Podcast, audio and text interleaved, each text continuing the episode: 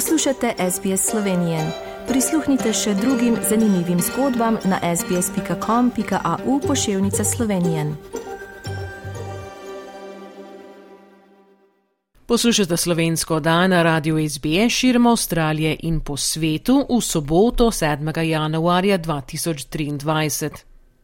Upamo, da ste prijetno praznovali vstop v novo leto med svojci in prijatelji in pričeli leto na lep način.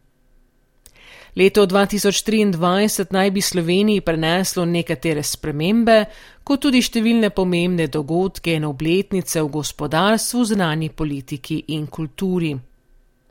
Naslednje informacije so povzete iz letne napovedi dogodkov v Sloveniji za 2023, kot jih je objavila Slovenska tiskovna agencija. V letu 2023 se napoveduje občutno umiranje gospodarske rasti v Sloveniji, medtem ko bo inflacija še nekaj časa ustrajala na visokih ravneh. Boj z inflacijo bo teril uskleno monetarno in fiskalno ukrepanje. Minimalna plača se bo v letu 2023 prvič uskladila tako z inflacijo kot minimalnimi življenskimi stroški. Nadaljevale se bodo dela na največjih infrastrukturnih projektih v državi, steklo bi lahko gradnja potniškega centra v Ljubljani. Junija bodo v New Yorku volitve novih nestalnih članic Varnostnega sveta Združenih narodov v letih 2024 in 2025. Za položaje kandidira tudi Slovenija, zato bo v prvi polovici leta še naprej teklo intenzivno lobiranje za pridobitev podpore, zlasti v državah zunaj Evrope. Njihovo podporo Slovenija, ki je za mesto vzhodne evropske skupine držav podeguje z Belorusijo, namreč nujno potrebuje.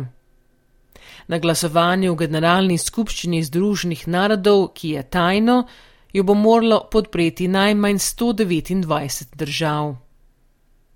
Slovenija za leto 2023 načrtuje odprtje veleposlaništva v Alžiriji, ki postaja vse pomembnejša dobaviteljica zemljskega plina. Prav tako je v načrtu odprtje veleposlaništva v etiopski Addis Abebi. Glavni zunanje politični dogodek v Sloveniji bo znova Blejski strateški forum, ki tradicionalno poteka konec poletja. Po pričakovanjih bo v letošnjem letu na zunanje političnem področju veliko pozornosti znova namenjeno dogajanju na Zahodnem Balkanu. Slovenski premier Robert Golob je že za januar napovedal obisk v Sarajevu.